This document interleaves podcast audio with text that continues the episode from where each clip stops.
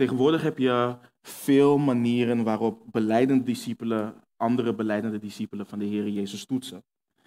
En daarmee bedoel ik toetsen of ze daadwerkelijk discipelen zijn van de Heer Jezus. Toetsen of ze vruchten van bekering laten zien.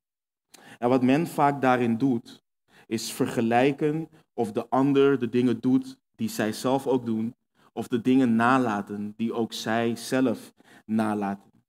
En hierdoor krijg je hele rare dingen. Want niet wij zelf zijn de graadmeter, maar de schrift wat van Christus getuigt. Dat is waar we naar dienen te kijken. Het kenmerk waar, en, en het bijzonder is het kenmerk waar het minst naar gerefereerd wordt, is liefde voor de heiligen. Liefde voor elkaar als broeders en zusters. En dat is waar ik vandaag met jullie naar wil kijken. En er zullen, ik zeg dat um, bij voorbaat al, er zullen vandaag dingen gezegd worden die hopelijk bemoedigend zijn, ehm, die confronterend zijn. En zullen sommige dingen zullen je veroordelen. En het zou je zelfs tot wanhoop, verdriet, zelfs boosheid kunnen drijven. Maar besef het volgende: God wil dat we veranderd worden door de vernieuwing van onze gezindheid om te kunnen onderscheiden wat de goede, welbehagelijke en volmaakte wil van God is.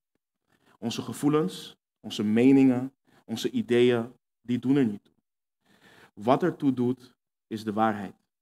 Want alleen de waarheid maakt ons vrij. En alleen door de waarheid, door zijn woord, heiligt God zijn kinderen. En Gods woord heeft veel te zeggen over het liefhebben van broeders en zusters. Sterker nog, Gods woord heeft meer te zeggen over het liefhebben van broeders en zusters dan over het liefhebben van onze ongelovige naasten. Elk nieuwtestamentisch boek of elk nieuwtestamentische brief raakt direct of indirect het thema, het onderwerp van liefde hebben voor elkaar als broeders en zusters. En zo raakt Johannes in deze korte brief verdeeld over vijf hoofdstukken meerdere malen uh, dit onderwerp. En ik weet dat jullie hier in deze gemeente, volgens mij zijn jullie door vers voor vers door 1 Johannes heen gegaan. Ik zal hem niet vers voor vers behandelen, maar echt stilstaan bij het thema wat we vandaag ook uh, behandelen. Um, maar Johannes laat continu zien, ook in deze brief, laat hij zien dat liefde voor elkaar als broeders en zusters een teken, een bewijs is dat wij uit God geboren zijn. En het woord liefde, dat is heel belangrijk om dat ook te definiëren. Het, liefde, het woord liefde wat Johannes gebruikt in, in onze tekst, in het Grieks is dat het woord agape. Het werkwoord liefde of liefhebben is daar ook van afgeleid. En agape liefde wordt omschreven als zelfopofferende liefde. Dit is de liefde die mensen tot actie aanzet en gericht is op het welzijn van anderen. Zonder voorwaarden. Het maakt niet uit wat het kost. Agape-liefde is liefde wat aanhoudt, liefde wat doorzet. Het is constant, onophoudelijk, volhardend. Het volhardt. Dus wanneer we bijvoorbeeld lezen dat God liefde is, lezen we onder andere dat God zichzelf op onophoudelijke en op zelfopofferende wijze heeft gegeven aan mensen, aan anderen. En daarin ook het welzijn zoekt van de ander. En je hebt verschillende vormen van liefde in de Bijbel. Je hebt verschillende vormen van liefde die worden gebruikt in het Grieks. En heel veel vormen van liefde zijn omdat vormen van liefde. Dus ik heb je lief omdat je mijn broer bent. Ik heb je lief omdat je mijn vrouw bent. Ik heb je lief omdat je aardig tegen me doet of omdat je er goed uitziet. Dat zijn omdat vormen van liefde. Maar Gods liefde is een ondanks vorm van liefde. Want Gods liefde kijkt niet naar, ben jij het waard om mijn liefde te ontvangen? Ben jij goed genoeg? Ben je mooi genoeg? Ben je aardig genoeg om het te ontvangen? Ontvang je het vanwege de relatie die we met elkaar hebben? Nee, Gods liefde is, ondanks het feit dat wij zondaars zijn, die niets anders dan de heilige en rechtvaardige toorn van God verdienen, heeft Hij ons lief gehad door zijn enige zoon voor ons te geven. En dat is de maatstaf van onze liefde voor elkaar, schrijft Johannes. Dat is het gebod wat we krijgen. En wat belangrijk is om te beseffen is, het is een gebod. Het is geen suggestie. Het is niet, oké, ik word vandaag wakker en ik voel me goed en daarom ga ik mijn broeders en mijn zusters liefhebben. Nee, het is een gebod. Het wordt opgedragen. En het is geen gebod om te gehoorzamen opdat we kinderen van God mogen worden. Nee, het is een gebod wat we dienen te gehoorzamen als Gods kinderen. Omdat aanhoudende ongehoorzaamheid aan dit gebod laat simpelweg zien dat we niet uit God geboren zijn. Johannes heeft in deze brief inmiddels al eerder geschreven over dit gebod, over dit onderwerp. En ik wil daar, ik wil een paar gedeelten wil ik met jullie lezen. Als jullie in jullie Bijbel eerst naar 1 Johannes 2 gaan, we, dan lezen we daar van, van vers 7 tot en met 11. Dan schrijft Johannes onder leiding van de Heilige Geest. Broeders, ik schrijf u geen gebod, uh, geen nieuw gebod, maar een oud gebod, dat u vanaf het begin hebt gehad. Dit oude gebod is het woord dat u vanaf het begin hebt gehoord. Toch schrijf ik u een nieuw gebod dat waar is in hem en in u. Want de duisternis gaat voorbij en het ware licht schijnt reeds. Wie zegt dat hij in het licht is en zijn broeder haat, die is tot nog toe in de duisternis. Wie zijn broeder lief heeft, blijft in het licht. En er is in hem niets dat anderen doet struikelen. Maar wie zijn broeder haat, is in de duisternis en wandelt in de duisternis. En weet niet waar hij heen gaat, omdat de duisternis zijn ogen verblind heeft. Als je nu naar het volgende hoofdstuk gaat, 1 Johannes 3, dan lezen we daar vanaf vers 10 tot en met 18. 1 Johannes 3 vanaf vers 10 tot en met 18. Hieraan zijn de kinderen van God en de kinderen van de duivel te herkennen. Ieder die de rechtvaardigheid niet doet, is niet uit God. Evenmin als hij die zijn broeder niet lief heeft. Want dit is de boodschap die u vanaf het begin gehoord hebt. Dat wij elkaar moeten liefhebben. Niet zoals Kain. Hij was uit de boze en sloeg zijn broer dood. En waarom sloeg hij hem dood? Omdat zijn werken slecht waren en die van zijn broer rechtvaardig. Verwonder u niet, uh, mijn broeders, als de wereld u haat. Wij weten dat wij zijn overgegaan uit de dood in het leven, omdat wij de broeders lief hebben. Wie zijn broeder niet lief heeft, blijft in de dood. Ieder die zijn broeder haat, is een moordenaar. En u weet dat geen moordenaar het eeuwige leven blijvend in zich heeft. Hieraan leerden wij de liefde kennen. Dat Hij voor ons zijn leven heeft gegeven. Ook wij moeten voor de broeders het leven geven. Wie dan de goederen van de wereld heeft en zijn broeder gebrek ziet lijden, maar zijn hart voor hem toesluit, hoe kan de liefde van God in hem blijven? Mijn lieve kinderen, laten wij niet lief hebben met het woord of met de tong, maar met de daad en in waarheid. als je verder in dat hoofdstuk kijkt en naar vers 23 gaat, dan schrijft hij weer. En dit is zijn gebod. Dat wij geloven in de naam van zijn zoon Jezus Christus. En dat wij elkaar lief hebben zoals hij onze gebod gegeven heeft. En als je gaat naar hoofdstuk 5, lezen we de eerste drie versen. 1 Johannes 5. lezen we, ieder die gelooft dat Jezus de Christus is, is uit God geboren.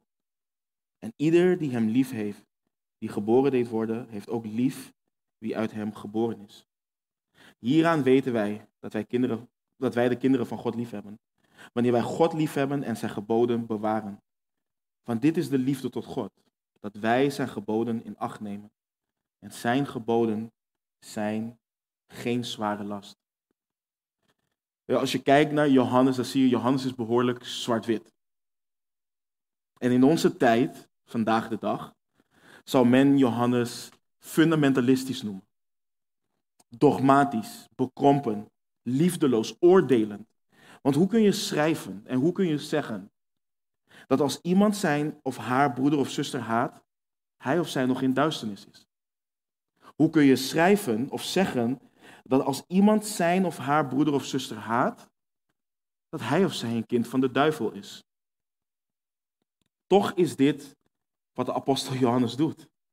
Toch is dit wat hij schrijft. En Johannes wordt door vele mensen bestempeld als de apostel van de liefde. Maar dit is wat hij schrijft, onder leiding van de Heilige Geest. En wat goed is om te beseffen, wat goed is om bij stil te staan, is, dit zijn geen woorden van mensen, dit zijn woorden van de levende God. En laten we onthouden dat de geest die werkzaam was in de apostel Johannes, dat is ook de geest die vandaag de dag werkzaam is in ons als discipelen van de Heer Jezus. Ik heb, zoals jullie hebben gemerkt, ik heb geen slides bij me, dus jullie moeten echt meegaan in jullie Bijbels. Eh, als je in je Bijbel naar 2 Korinthe 4 gaat, daar schrijft de apostel Paulus, onder leiding van de Heilige Geest. Apostel Paulus schrijft in 2 Korinthe 4, vers 13. Dit is goed om te onthouden, want soms doen we alsof hè, we, we zijn 2000 jaar verwijderd van de, de tijd dat de apostel Johannes en de apostel Paulus dit schreef. En dan denken we van, oh, dingen zijn veranderd. Maar hij schrijft in 2 Korinthe 4, vers 13. Maar omdat wij dezelfde geest, let op, dezelfde geest van het geloof hebben. Overeenkomstig wat geschreven staat, ik heb geloofd, daarom heb ik gesproken, geloven ook wij. En daarom spreken wij ook. We hebben dezelfde geest. De geest van de waarheid. De geest die gezonden is om onze zaligmaker Jezus Christus te verheerlijken. En hij heeft deze woorden gegeven aan de apostelen. En het is dus aan deze standaard waaraan beleidende volgeling van Jezus wordt getoetst. Niet aan psychologie, niet aan pedagogiek, niet aan de tijd waarin we leven. Nee, het eeuwige, onfeilbare en toereikende woord van God.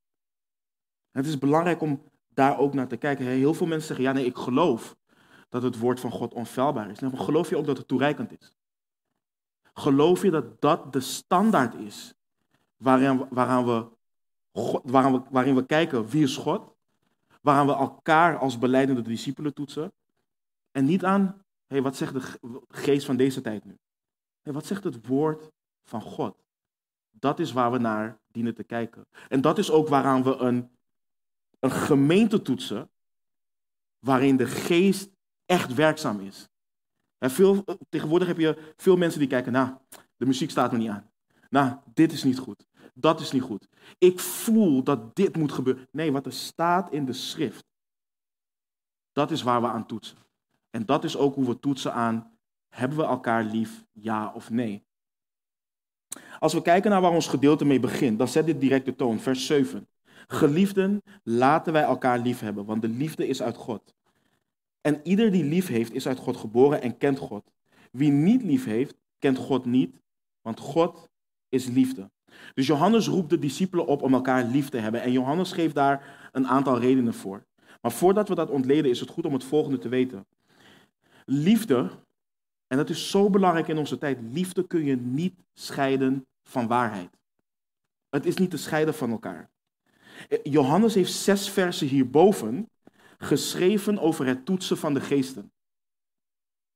Het toetsen van de leer wat iemand met zich meebrengt of waarin iemand wandelt.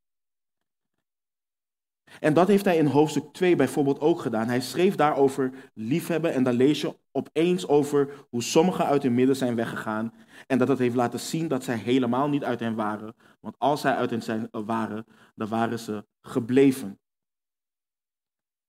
Dus liefde kun je niet scheiden van waarheid. De, de oproep om elkaar als broers en zussen in Christus lief te hebben, betekent niet dat we omwille van de vrede de waarheid niet richting elkaar spreken. Nee, we spreken juist de waarheid omdat we elkaar lief hebben. Dus als ik zie, of als jij ziet, hé, hey, een broeder, een zuster leeft in zonde. Als je die persoon lief hebt, dan zeg je dat dan wijs je die persoon op zijn of haar zonde. En in de tijd waarin we leven zeggen, ja, nee, maar wie ben ik om te oordelen? Nee. De, de schrift leert ons, we kunnen liefde en waarheid niet van elkaar scheiden. Maar Johannes zegt, geliefde, laten we elkaar lief hebben. Johannes wandelt en handelt naar hetgeen wat hij predikt, wat hij schrijft. Want ondanks op de sommige momenten harde en vermanende woorden in deze brief, heeft hij hen lief. Dat is ook waarom hij hen schrijft. Hij schrijft juist omdat hij hen lief heeft. En je ziet dat in het woord geliefden. Dit woord geliefde in het Grieks is het woord agapetos. En als je denkt, hé, hey, dat, dat klinkt bekend, daar hadden we het net onder andere over. Dat komt van het woord, het, het woord wat we aan het begin hadden gezegd, agape. En dit woord wordt alleen gebruikt richting de heiligen van God. dus waar en door wie dit woord ook wordt gebruikt, is door God de Vader, wanneer hij van zijn zoon zegt, dit is mijn geliefde zoon in wie ik mijn welbehagen heb. Daar wordt dit woord ook gebruikt. En letterlijk vertaald betekent het goddelijke geliefden. Hij heeft hen lief met innige gevoelens. Hij houdt intens veel van deze discipelen. En hij schrijft aan hen, laten wij elkaar lief hebben. In het Grieks schrijft Johannes met het werkwoord van agape. Het woord agapao. En Johannes schrijft, laten we ons verheugen in elkaar. Laten we elkaar op zelfopofferende en um, onophoudelijke wijze liefhebben. Laten we elkaar hoog achten. En dit waar kinderen van God wordt, toe worden opgeroepen, is een immens hoge standaard. Johannes gaat namelijk verder dan het aardig doen tegen elkaar. Hij gaat verder dan het lief doen of elkaar verdragen en wat goede daden doen voor elkaar. Ik zei het net al, Johannes heeft het over elkaar op zelfopofferende en onophoudelijke wijze liefhebben.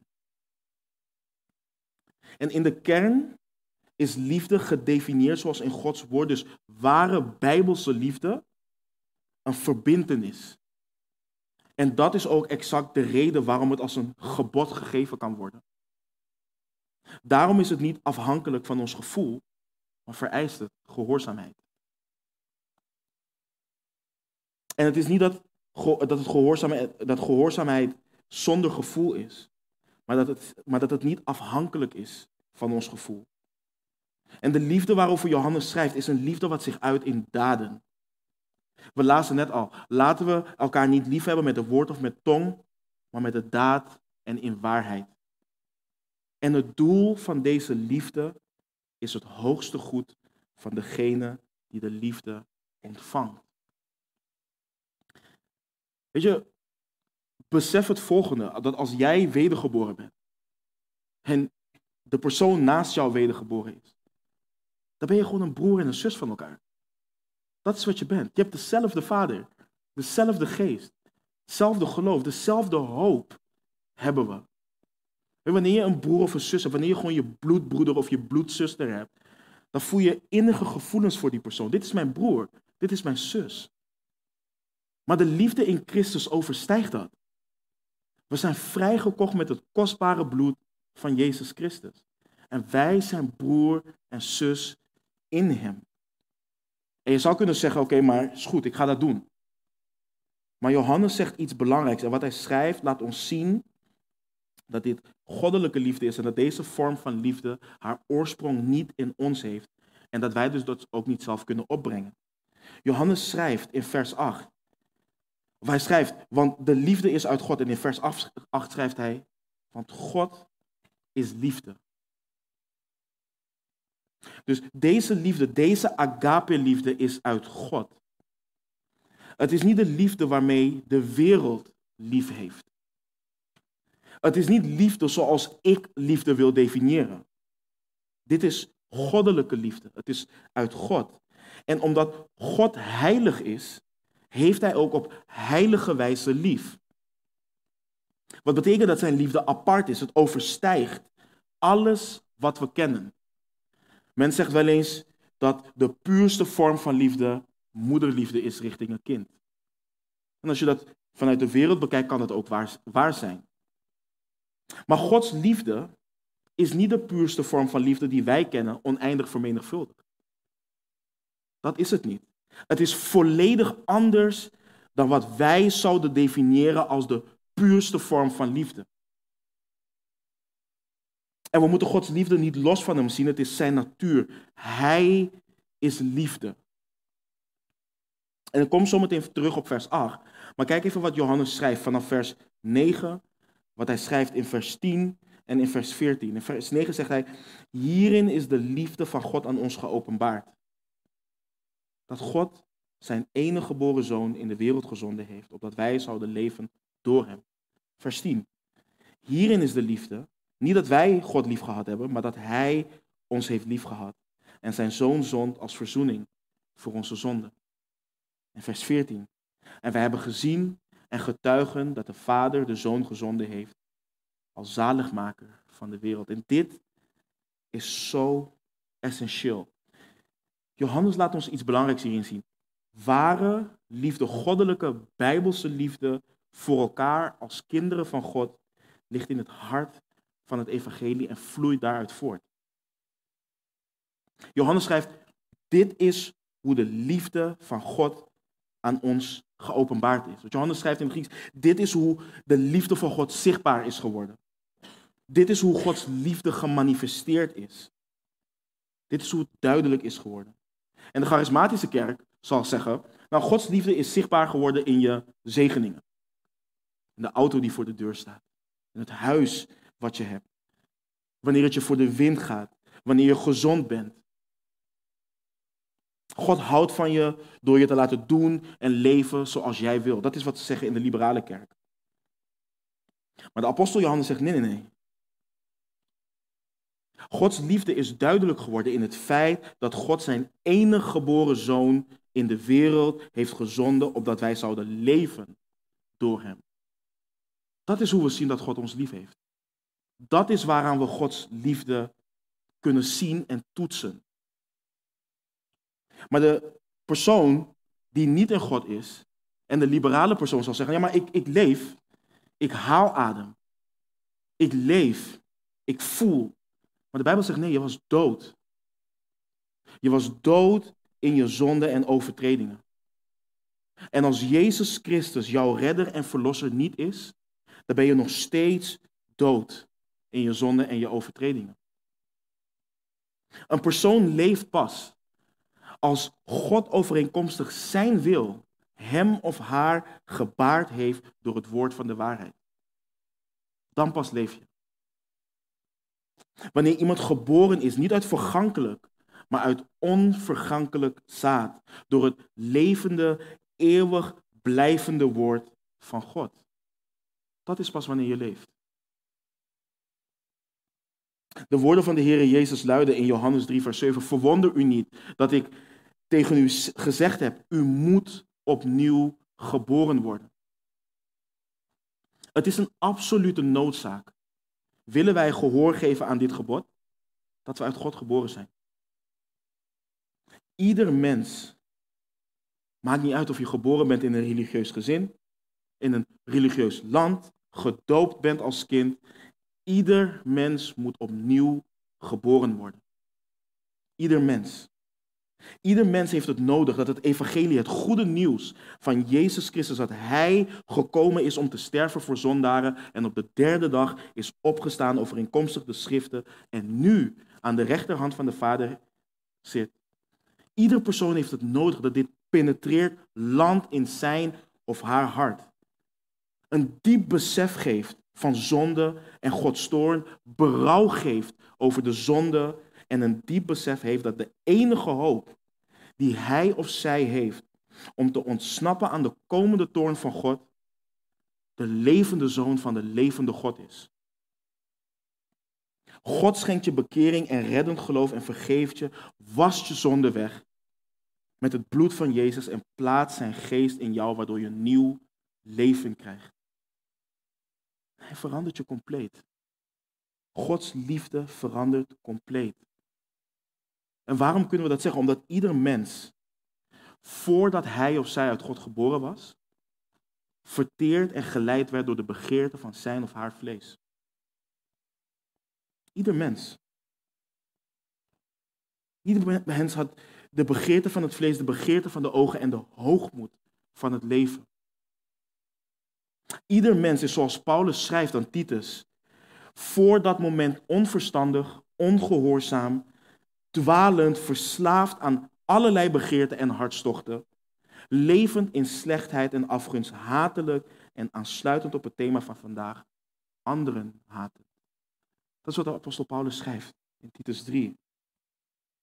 Dus vanuit onze natuur, vanuit onze zondige staat, zijn wij niet in staat om anderen lief te hebben op een zelfopofferende en onophoudelijke wijze. We kunnen het niet.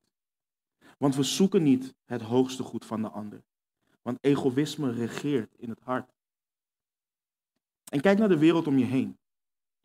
Er is, er is onderzoek gedaan. En, en uit verschillende onderzoeken blijkt dat met zo'n 7 miljard per jaar al de hongersnood in de wereld opgelost zou kunnen worden.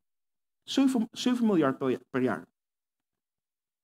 En je zou dus de komende 50 jaar de hongersnood in de wereld kunnen oplossen door 7 miljard van de 50 rijkste mensen ter wereld innen. En die mensen zouden nog steeds multimiljardair zijn. Nog steeds. Stinkend rijk zouden ze nog steeds zijn. En dit is op macroniveau, op hoog niveau. Op grote schaal. Maar ook zo zijn wij, die verre van miljonair zijn. Ik, althans, ik ben geen miljonair. Maar ook zijn wij bezig met wat wij zelf willen. En dat vaak ten koste van anderen. Dus wanneer je je belastingformulieren invult. En dan denk van, hey, weet je, de Belastingdienst die steelt al genoeg van mij. Nee, dat is, dat is niet op zelfopofferende wijze.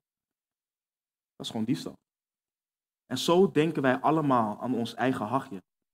Als we niet in Christus zijn. Dit is hoe we geboren worden. Dit is wat er leeft in ons hart. En de ouders, en, en je hebt heel veel mensen die zeggen van ja, weet je, mensen zijn van nature gewoon goed. Het zijn de situaties in hun leven die ze zo maken. Je hoeft, nou maar naar, je hoeft naar een moeder of naar een vader of een grootmoeder of een grootouder te gaan en te vragen.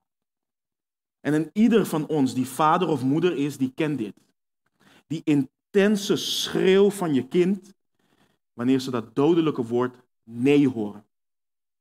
En dan weet je al dat dit niks heeft te maken met het feit dat ze gevormd zijn door de wereld. Nee, dit heeft gewoon te maken met dat het feit dat dat kind wilt wat hij of zij wilt. Dit leeft gewoon diep in ons. Ik wil wat ik wil en ik zal het krijgen. En dat hoor je aan die schreeuw. Al deze dingen regeren in ons hart zonder Christus. Het aanbieden van je excuses, denk daar eens aan. Het vragen van vergeving. Hoe intens moeilijk is dat? Dat je naar de ander toe gaat en zegt, het was gewoon fout. Het spijt me. Ik had het fout. Wil je me vergeven? Nee. Je vlees rebelleert, want je gaat, in je hart ga je op zoek naar, ja, maar ik heb het recht om zo te reageren. Want hij of zij heeft dit gedaan en daarom heb ik dit gedaan. En we kennen al die excuses die eigenlijk geen non-excuses zijn. Weet je, ik had niet zo moeten reageren, maar eigenlijk is het wat je deed, dat dreef me zo tot wanneer. Dat is eigenlijk helemaal geen excuus. Dat is gewoon verklaren waarom je hebt gedaan wat je deed. Maar het laat zien. Het laat zien hoe diep dat in ons leeft. En het begint bij de zondeval. Adam, wanneer God Eva brengt, been van mijn beenderen. En dan vervolgens komt God. Heb je gegeten van die vrucht? Het is de vrouw die u mij gaf. Het is niet mijn schuld, u gaf me die vrouw. Dus hij plaatst zichzelf twee personen verwijderd van zijn eigen schuld. In plaats van knielen en zeggen, Heer, ja, ik heb ervan gegeten, u heeft gelijk. En hetzelfde God ook voor Kain. In plaats van zijn ongeloof beleiden, ontstak hij in woede. Ben ik de hoeder van mijn broeder? En wanneer God hem dan zijn straf. Dit is te zwaar voor mij om te dragen. Niet inzien dat het zijn zonde is wat dit heeft gedaan. Nee, Heer, de straf die u me geeft is te zwaar. En mensen zullen me doden. Geen enkele vorm van berouw. En zonder Christus is dit wat leeft in het hart van ieder mens. Ook van die aardige vrouw die je wel eens misschien over helpt steken. Of haar boodschappen helpt dragen. In ieder mens leeft dit. Maar Paulus schrijft, maar toen de goede tierenheid van God, onze zaligmaker en zijn liefde tot de mensen tot, uh, tot, de mensen, tot ons verschenen is, maakte hij ons zalig. Niet op de grond van de werken van rechtvaardigheid die wij gedaan hebben, maar vanwege zijn barmhartigheid door het bad van de wedergeboorte en de vernieuwing door de Heilige Geest, schrijft hij in Titus 3. En wat gebeurt er? Paulus schrijft in Romeinen 5, vers 5, dat de liefde van God uitgestort is door de Heilige Geest in onze harten. Je wordt een compleet nieuw mens. We hebben een nieuwe natuur. We zijn dan geen kinderen meer van Adam. Door het geloof en het leven in Christus, door het aannemen van hem, van hem, heeft Hij ons de macht gegeven om kinderen van God te worden. Halleluja, prijs de Heer. En het punt wat Johannes maakt, is dat kinderen de natuur van hun ouders aannemen. Wij zijn geboren uit God. En als wij geboren zijn uit God, God die liefde is, en dus Hem hebben leren kennen, zullen ook wij lief hebben. Zullen ook wij elkaar lief hebben. Hierin is de liefde van God aan ons geopenbaard. Dat God zijn enige geboren zoon in de wereld gezonden heeft. Dat wij zouden leven door Hem. En een leven als volgeling van Christus is niet in de eerste plaats een kwestie van een persoon die stopt met bepaalde zondige daden en moreel gezien goede dingen gaat doen. Het is niet dat je eerst niet religieus was en op zondag gewoon uitsliep en nu dacht je van hé, hey, ik word wakker, ik ga vandaag gewoon opeens naar de kerk. Ik ga iedere zondag opeens naar de kerk. Dat is niet wat je een discipel maakt. Een leven als volgeling van Jezus is in de kern dat God nieuw leven heeft geschonken aan hen die hem vijandig gezind waren. Puur en puur uit zijn genade. Dat is het. Dus hierin is de liefde niet dat wij God lief, lief gehad hebben, maar dat Hij ons heeft lief gehad en zijn zoon zond als verzoening voor onze zonden. Weet je, en om ons te, te behoeden tegen de hoogmoedige gedachte dat we onszelf zo liefdevol vinden, herinnert Johannes ons eraan dat de liefde niet in ons is. En, niet dat het, en ook dat het initiatief niet bij ons lag. Maar dat de liefde ligt in het feit dat hij zijn zoon zond als verzoening voor onze zonden. Het initiatief lag volledig bij hem. En mocht het zo zijn dat wij overstromen van liefde, laat het dan zo zijn dat we God eren en Hem de eer en de glorie geven. Want het ligt niet in het feit dat wij Hem hebben liefgehad, maar het initiatief wat Hij heeft genomen. Daarom is Romeinen 5, vers 8 ook zo prachtig. Dat Hij heeft bevestigd dat Hij ons heeft liefgehad. Daarin dat Hij Zijn Zoon heeft gegeven, toen wij nog zondaars waren. En als je dit zo alles leest en hoort en vervolgens gaat naar vers 11, geliefde. Als God ons zo lief had, moeten ook wij elkaar lief hebben. Let op het woord moeten. Ik kan je niet zeggen hoe vaak ik in kerkelijk vrij en blij Nederland hoor. Nou, als iets moet, dan hoeft het voor mij niet. Dan wil ik het niet. Dat wordt voor mij wel allemaal benauwend. Het moet allemaal vrijheid. Ik, ik, ik, ik moet het willen. Dat is wat je vaak hoort. Ik vind het allemaal spannend en benauwend wanneer iets moet. Johannes schrijft onder leiding van de Heilige Geest. Geliefden, als God ons zo lief had, moeten ook wij elkaar lief hebben. En het woord moeten in het Grieks is gewoon moeten. Het is niets anders. Het moet. Het krachtige bewijs, de krachtige demonstratie van Gods liefde voor ons hoort ons te drijven tot liefde voor de rest van zijn kinderen. Liefde hoort te regeren in deze gemeente. In iedere gemeente van de Heer Jezus Christus. Overal waar broeders en zusters samenkomen, hoort liefde, goddelijke liefde, te regeren. En de reden waarom Johannes zegt, als God ons zo lief had. Johannes impliceert hiermee, let op de liefde van de Vader. Kijk daarnaar. Nogmaals, zelfopofferend en onophoudelijk. Gericht op het welzijn van de ander. Dit is alles behalve makkelijk. Daarom geloof ik ook dat in de kern, wanneer de Heer Jezus zegt, als iemand achter mij aan wil komen, als iemand mijn discipel wil zijn, hij of zij moet zichzelf verloochenen. Jij leeft niet meer. Je bent dood en als je leeft, leef je door het geloof in de Zoon van God. En daarom is dit alles behalve makkelijk. Want als het makkelijk was, dan hadden we het krachtige voorbeeld van Gods liefde niet nodig. We zouden het gewoon allemaal zelf kunnen opbrengen, maar we hebben het wel nodig. We hebben het nodig om te toetsen, hé hey, luister, heb ik lief zoals God mij heeft lief gehad?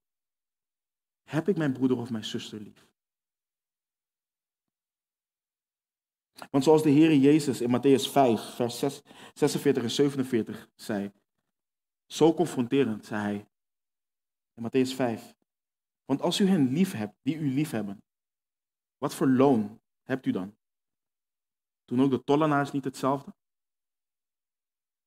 En als u, en als u alleen uw broeders goed, wat doet u meer dan anderen? Doen ook de tollenaars niet zo?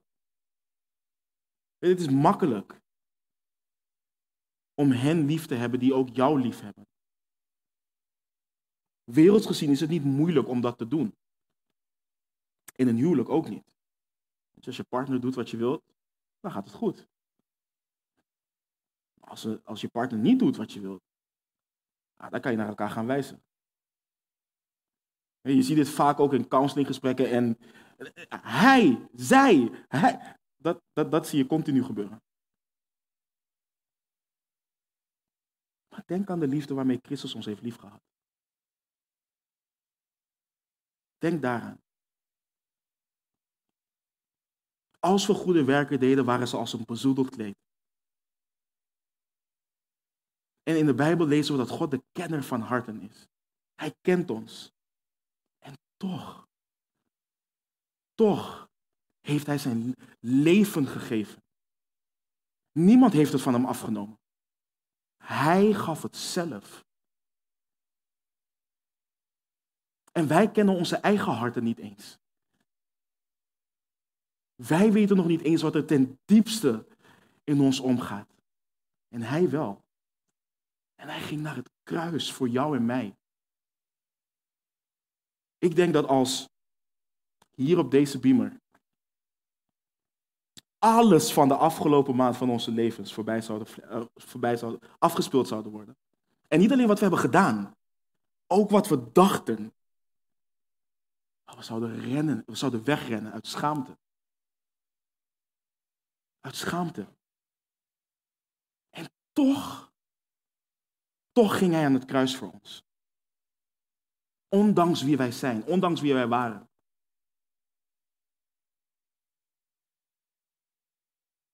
En dat is hoe wij elkaar dienen lief te hebben. Kun je je voorstellen? Dat is hoe wij elkaar dienen lief te hebben. En Johannes geeft ons het hele voorbeeld en herinnert ons aan het evangelie opdat we niet vergeten. Vind je het moeilijk om die ene broeder of die ene zuster lief te hebben? Vergeet niet dat God voor jou stierf toen jij een zondaar was, toen je dood in je zonde en overtredingen was. Hij kwam niet in een wereld met enkele zondaars. Hij kwam in een wereld vol met zondaar.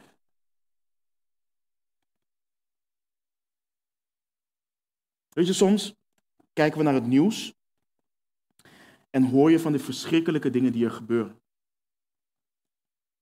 Mensen die anderen afslachten, die anderen oplichten, die van alles doen.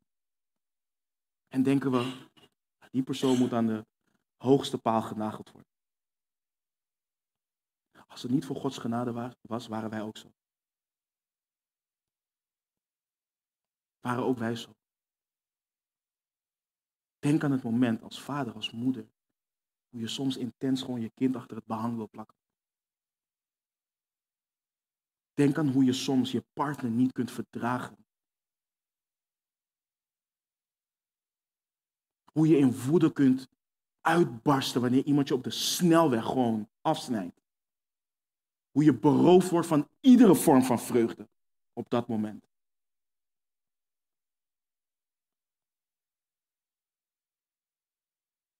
Dat zijn wij. Nietige zondaars onder de genade van de Heer Jezus Christus. En soms, en soms hoor je mensen wel eens zeggen: Ik ga niet naar de kerk. Hypocrieten zijn het allemaal. Ja, zij, zij horen te weten. Zij zijn discipelen van de Heer Jezus. Luister. Mensen in de gemeente zijn niet volmaakt. Het zijn zondaars onder de genade van Jezus Christus. We zullen elkaar teleurstellen. We zullen zondigen tegen elkaar.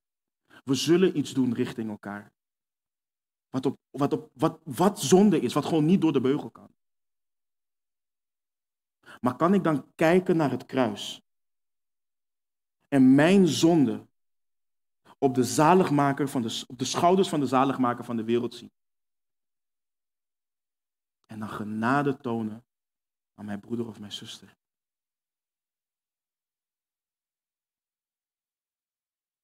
En daarom is het bewijs, zoals we ook al eerder in vers 7 laten. Ieder die lief heeft, is uit God geboren en kent God. En ook in vers 12. Als wij elkaar lief hebben, blijft God in ons. En is zijn liefde in ons volmaakt geworden. In het onder andere liefhebben van een broeder en of zuster op goddelijke wijze laat het zien dat we God kennen. Het laat zien dat we uit God geboren zijn. En dat zijn liefde in ons volmaakt is geworden. En let op het woord kennen in de tekst. Wat Johannes daarmee bedoelt in het Grieks is het Griekse woord ginosko. En Johannes bedoelt dat, we, dat het liefhebben bewijst dat wij God op persoonlijke wijze hebben leren kennen. Het bewijs dat wij zelf Gods liefde hebben ervaren, van moment tot moment nog steeds ervaren in ons leven. Het bewijs dat wij Hem op intieme wijze kennen.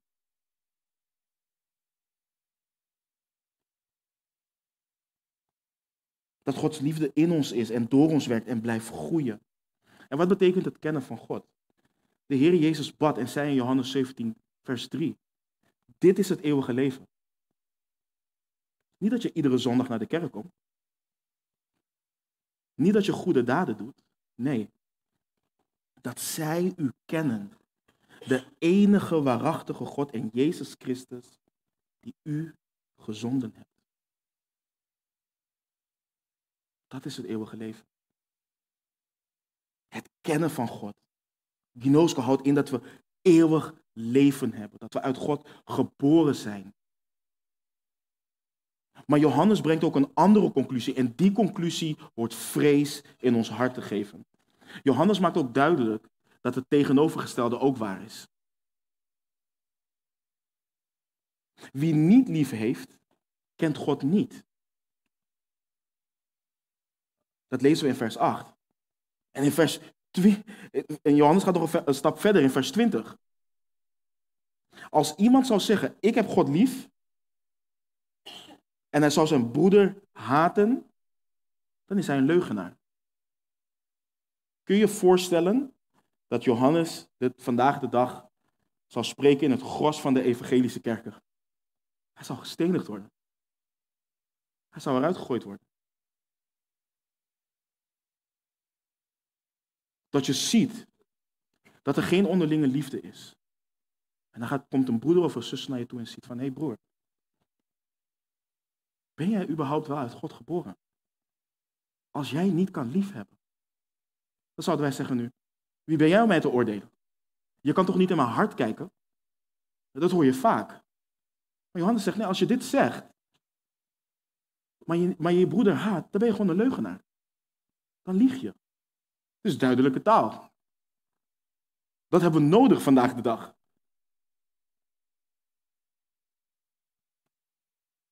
Als je niet lief hebt op zelfopofferende wijze, als je je broeder en of zuster niet lief hebt op onophoudelijke wijze, en je zijn of haar welzijn hierin niet zoekt, dan ken je God niet en ben je een leugenaar.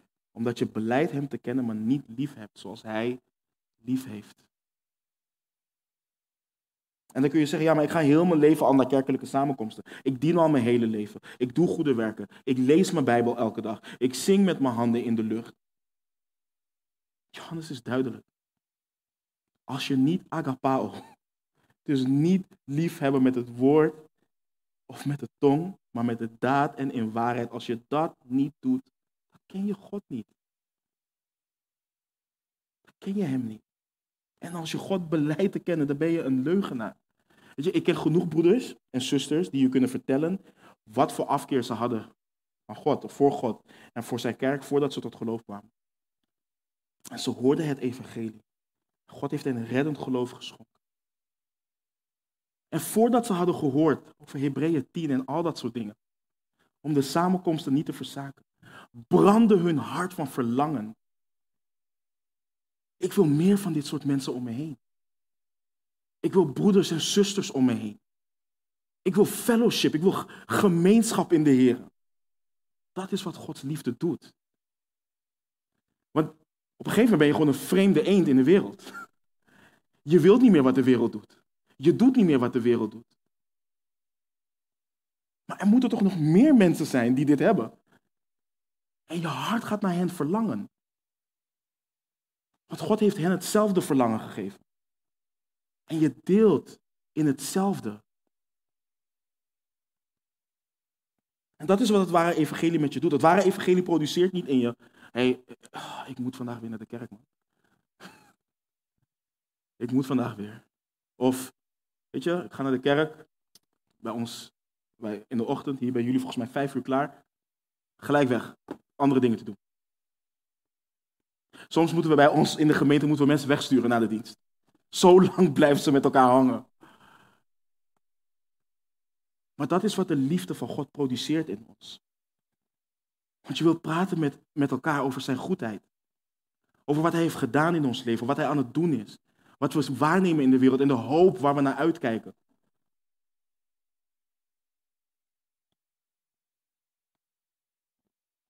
Let op Paulus zijn verlangen en liefde voor de gemeente. Romeinen 1.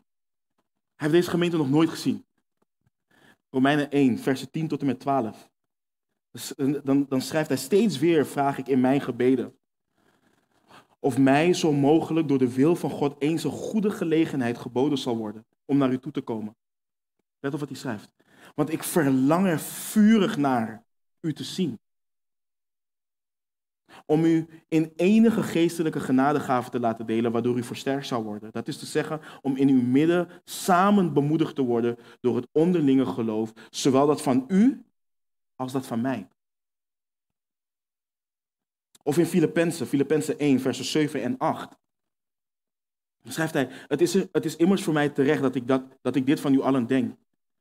Omdat ik u allen in mijn hart heb als deelgenoten van mijn genade. Zowel in mijn gevangenschap als in de verdediging en bevestiging van het evangelie. En dan zegt hij, want God is mijn getuige hoe vurig ik naar u allen verlang met de innige gevoelens van Jezus Christus.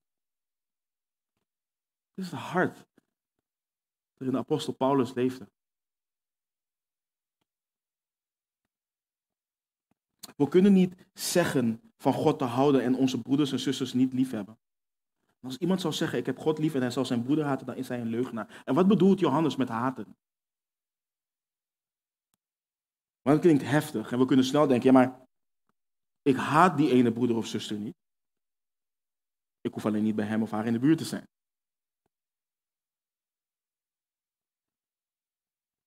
Het woord haten betekent in het Grieks minder liefhebben dan. Minder achten. Betekent ook verafschuwen. God heeft een standaard gegeven om elkaar lief te hebben. En dat is de wijze waarop Hij ons lief heeft. En als dat niet regeert in ons hart, haten we elkaar.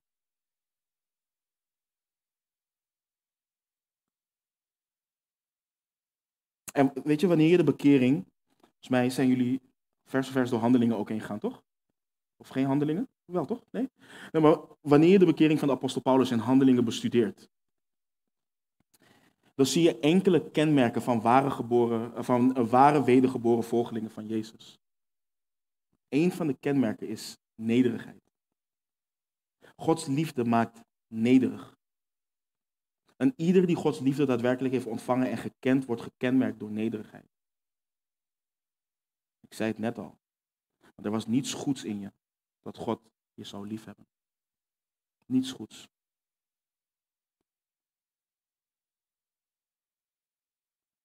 Het enige wat wij verdienen is Gods heilige en rechtvaardige toorn. De loon van de zonde is de dood. Dat lezen we in Romeinen. En het niet gehoorzaam zijn aan Gods gebod om je broeder of zuster lief te hebben, laat zien dat hoogmoed regeert in je hart. Het laat zien dat je vindt dat je het recht hebt om niet lief te hebben. Nogmaals, Johannes noemt dit soort mensen leugenaars. Hij zegt dit soort mensen kennen God niet. En ik heb, we hebben het zelf ook meegemaakt en, en, en je ziet het om je heen. Ik weet niet of jullie dit hebben. Dus kijk, soms vragen mensen zich af. Vragen we ons af, waarom kan iemand geen gehoor geven aan het gebod om lief te hebben? En hij zegt dat hij of zij van God houdt. Maar toch kan hij dat niet. Er, is, moet iets zijn wat hem of haar tegenhoudt. We zijn geneigd om psychologisch hiernaar te gaan kijken. Ja, hij of zij heeft veel meegemaakt. Hij of zij draagt bagage met zich mee. Ze zijn vaak gekwetst door broeders of zusters. Of die ene kerk waar ze vandaan komen heeft hen onrecht aangedaan. En niet om dat allemaal te bagatelliseren. Al die dingen zijn erg. Al die dingen zijn erg. Maar Johannes is duidelijk hier. Dit heeft niets met bagage te maken. Niets. We hebben allemaal bagage. En ieder van ons hier heeft bagage. En ieder van ons heeft dingen meegemaakt in het leven. De een erger dan de ander, absoluut. Maar Johannes maakt duidelijk, dit heeft gewoon te maken met je persoonlijke relatie met God. Dat is wat het is. Je hebt niet lief omdat je God niet kent. Het maakt niet uit hoe vaak we het beleiden, hoe hard we het beleiden. Dit is wat de schrift uitlegt.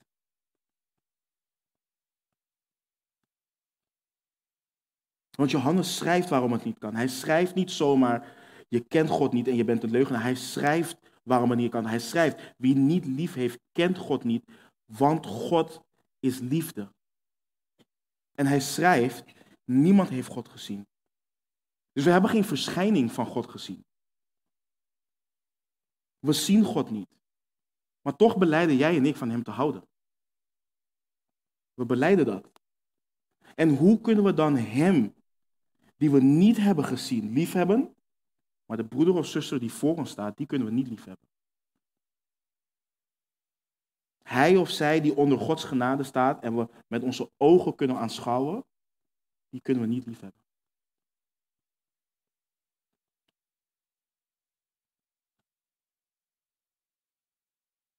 Je, je hoort heel vaak ook, weet je, maar mijn relatie met de Heer, dat is gewoon een persoonlijk iets.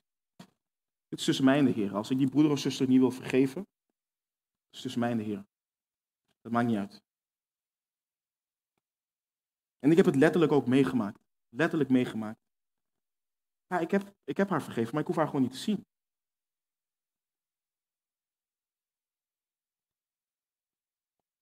Maar we moeten beseffen het, lief, het niet liefhebben van onze broeder of zuster, het staat aanbidding in de weg. Het verhindert aanbidding. Je kunt God waarvan je zegt dat je hem lief hebt niet aanbidden en je broeder of zuster niet lief hebben. De Heer Jezus zei heel duidelijk in Matthäus 5, 23 en 24. Als u dan uw gave op het altaar offert en u zich daar herinnert, daar herinnert dat uw broeder iets tegen u heeft, dan is het niet, oké, ik vergeef je, laat maar. Nee, nee, nee. Laat uw gave daar bij het altaar achter en ga heen. Verzoen u eerst met uw broeder en kom terug, kom dan terug en offer uw gave. Dit heeft fundamenteel met aanbidding te maken. Met onze persoonlijke relatie met de Heere God. Het offeren van je gave is een daad van aanbidding. De Heer Jezus maakt ons duidelijk dat we niet met een hart tot God kunnen naderen om te offeren, terwijl we ongehoorzaam zijn. En dus onze broeders en zusters niet lief hebben. Je kunt offeren wat je wilt. De Heere God zal zijn welbehagen daar niet in hebben. Je kunt een tiende geven wat je wilt.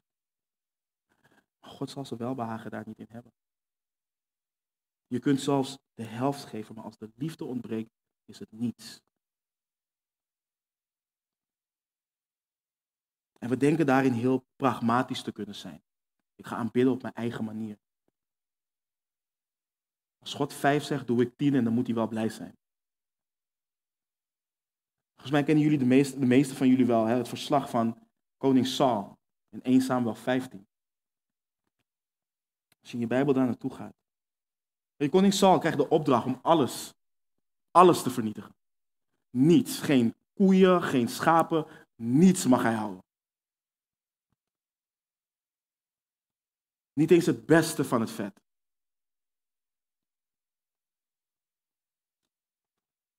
En dit, dit, dit kun je vergelijken met een persoon die ongehoorzaam is, maar dan toch naar een samenkomst komt, longen uit zijn lijf zingt met alle handen in de lucht en denkt, het is goed met God. Het is goed tussen mij en God. Maar je leeft in zonde, in ongehoorzaamheid.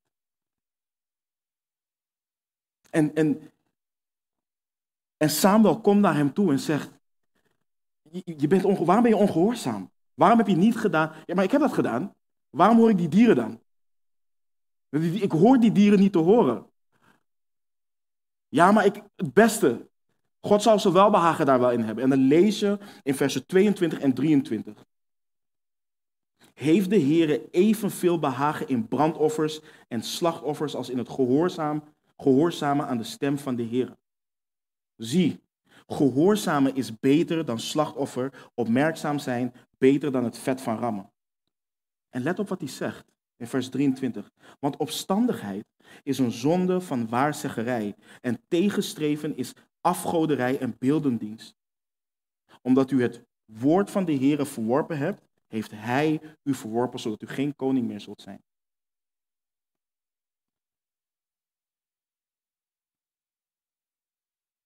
Nogmaals, de geboden die God ons geeft zijn geen suggesties, het zijn geboden.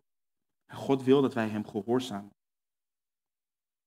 En we leven in een tijd, en ik, ik ben dankbaar voor deze gemeente, want ik weet dat jullie opzieners hier vers voor vers in context het woord van God uiteenzetten en het woord recht snijden. En je ziet dat niet vaak tegenwoordig. Je ziet dat niet vaak. En waarin wordt opgedragen aan gehoorzaamheid aan het woord van God.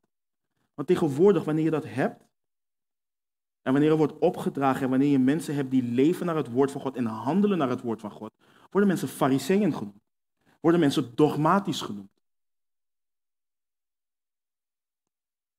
Maar het probleem van de fariseeën was niet, was, kijk, het was niet dat ze gehoorzaam waren.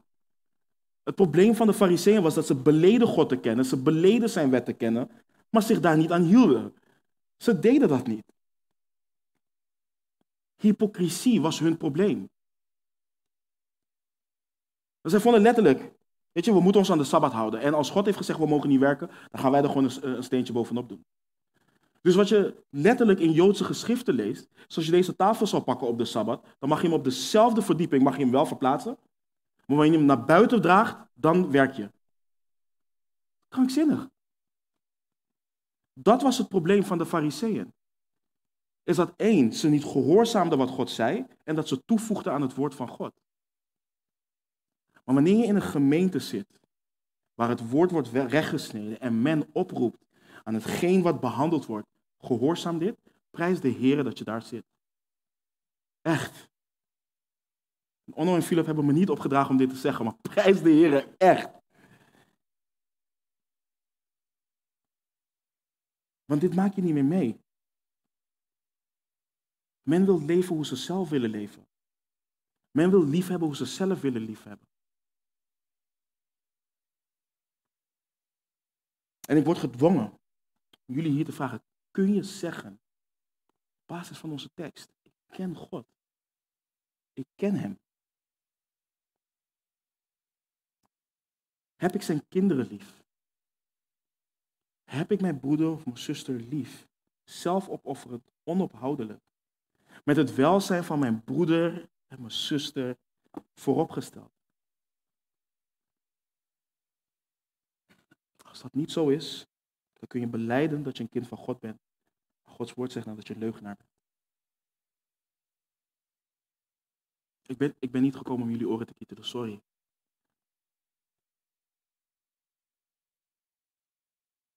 Het bewijs dat je God kent, dat je uit Hem geboren bent, in de tekst voor ons is dat een bewijs is dat jij en ik elkaar lief hebben.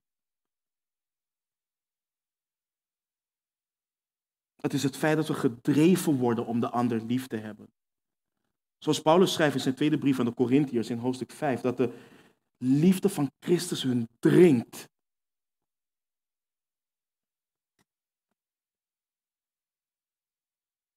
En Johannes wil dat je de zekerheid hebt en dat je kunt toetsen of deze dingen in jouw leven groeien. Maar stel dat je ziet dat dit niet aanwezig is in jouw leven. Stel je ziet en je erkent dat het makkelijk voor jou is om contact te verbreken met een broeder of een zuster. Stel dat je weigert om je nederig op te stellen en liefdevol te zijn en je bijvoorbeeld te verzoenen met je broeder of zuster. Of echt onderdeel bent van een lokale gemeente en fellowship hebt met broeders en zusters. Dan rest je maar één ding. En dit is wat je moet doen totdat je Gods vrede die ons verstand te boven gaat ervaart. En dat was in Jesaja 55 vers 6 en 7 staat. Zoek de Heere terwijl hij te vinden is. Roep hem aan terwijl hij nabij is. Laat de goddeloze zijn weg verlaten, de man van ongerechtigheid zijn gedachten. Laat hij zich bekeren tot de Heer. Dan zal hij zich over hem ontfermen, tot onze God. Want hij vergeeft veelvuldig. Jesaja 55, vers 6 en 7. Laat dit je hart doorzoeken. En laat het landen in je hart dat dit zaken zijn van eeuwigheidswaarde. We moeten hier niet lichtzinnig mee omgaan. God is liefde. En als Hij onze Vader is, dan gaan we meer op Hem lijken. Dan gaan we meer op Hem lijken. Want onze Vader, Hij houdt van zijn kinderen.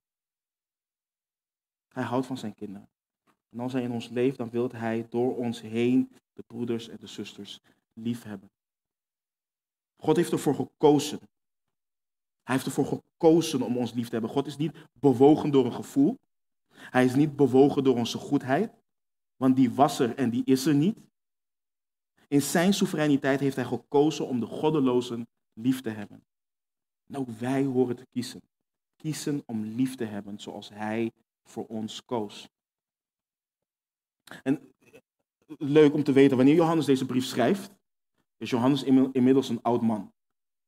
Stokoud. En de kerkgeschiedenis leert ons dat toen de apostel Johannes op hoge leeftijd was, hij zo zwak was dat hij naar de bijeenkomsten gedragen moest worden. En aan het einde van de dienst zou hij overeind worden geholpen om de kerk een zegen, een vermanend woord of wat dan ook mee te geven, een aansporend woord. iedere keer herhaalde hij exact hetzelfde aan, aan het eind van de dienst. Lieve kinderen, laten we elkaar lief hebben. Maakt niet uit waar de dienst over ging. Dat is waarmee hij afsloot. En op een gegeven moment, als we de kerkgeschiedenis mogen geloven, werden de discipelen hier echt moe van, omdat hij iedere keer gewoon hetzelfde zei aan het einde van de dienst. En er werd hem op een gegeven moment gevraagd waarom hij altijd hetzelfde zei. En hij keek hen ernstig aan en hij zei, omdat dit het gebod is van de Heer Jezus. En als alleen dit al wordt gedaan, dan is het goed. Dat is wat hij zei.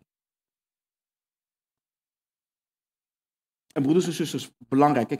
Ik pleit niet voor broeder- en zusterliefde omwille van broeder- en zusterliefde. Ik ben niet die oecumenische tour waar heel veel mensen op zijn.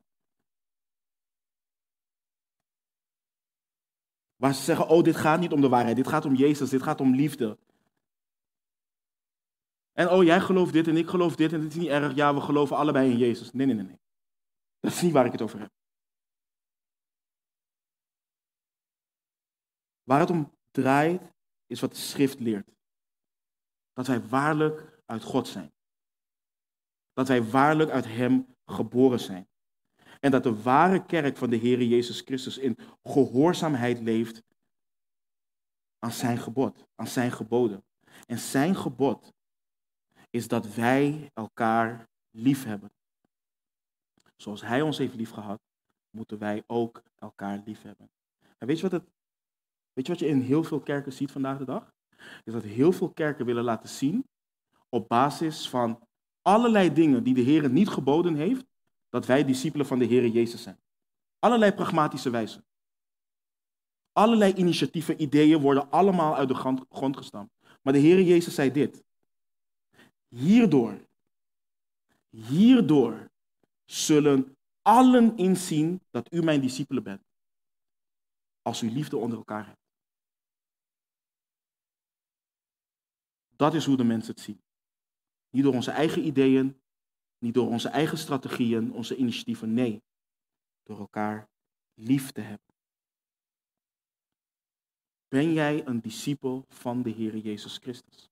Ben jij getrokken uit duisternis? En hoe toets je dat? Door hier iedere zondag en woensdag aanwezig te zijn? Door je offergave? Door de goede daden die je doet? Of omdat Gods overweldigende liefde in Christus Jezus jou verschenen is? En dat je niets anders kunt doen en niets anders kon doen dan op je knieën gaan en beleiden dat Hij Heer is. En roemen in het offer wat Hij heeft gegeven. De genade die in Hem en Hem alleen te vinden is. Omdat je Zijn liefde jegens jou kent. Dat is de enige, enige manier om dat te toetsen. En mogen dit een gemeente zijn, een heilig huis zijn van God, waarin de liefde tot elkaar sterk overvloedig wordt. Zoals Paulus schrijft in kennis en alle fijngevoeligheid, opdat u kunt onderscheiden wat wezenlijk is. Opdat u oprecht bent en zonder aanstoot te geven tot op de dag van Jezus Christus. Vervuld met vruchten van gerechtigheid die door Jezus Christus zijn, tot heerlijkheid en lof van God. Mogen dit een kerk zijn waar wordt gehoord van het geloof dat jullie hebben in de Heer Jezus en van de liefde die jullie hebben voor elkaar en voor alle ware heiligen. En mogen dit een kerk zijn waarin jullie vervuld worden met de kennis van zijn wil, zoals Paulus schrijft, in alle wijsheid en geestelijk inzicht, zodat jullie wandelen op een wijze, de Heere Jezus waardig, Hem in alles behagen, in elk goed werk vrucht dragen jullie groeien in de kennis van God.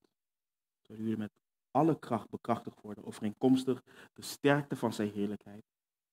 Om met blijdschap in alles te volharden en geduld te oefenen. En ik sluit hem af net zoals Johannes dat zei. Lieve broeders en zusters, laten wij elkaar lief hebben. Amen. Laten we bidden. Vader,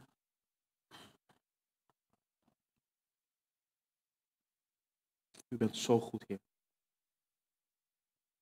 We danken u, Heer, voor de liefde die u ons getoond hebt. We danken u, Heer, dat u dat bevestigt daarin dat Christus voor ons gestorven is toen wij nog zondaars waren. Heer, u bent de kenner van harten. En u koos ervoor om ons niet te laten dwalen in de zonde die we zo lief hadden. Maar om ons te trekken uit duisternis. En om ons te geven aan uw zoon. Ik dank u, Heer, voor het werk van uw geest. Ik dank u voor het nieuwe leven. En Heer, ik bid in de tijd, van, de tijd waarin we leven, Heer, waarin zoveel gaande is, en waarin de vijand zoveel bezig is met het creëren van verdeeldheid, bid ik, Vader, dat wij in waarheid, in genade, elkaar zullen liefhebben. En dat dat het teken is, zoals de Heer Jezus zei. Dat daaraan allen zullen zien dat wij zijn discipelen zijn. Mogen deze gemeente deze heiligen, deze broeders en zusters van mij, van ons, mogen uw liefde regeren in hun hart.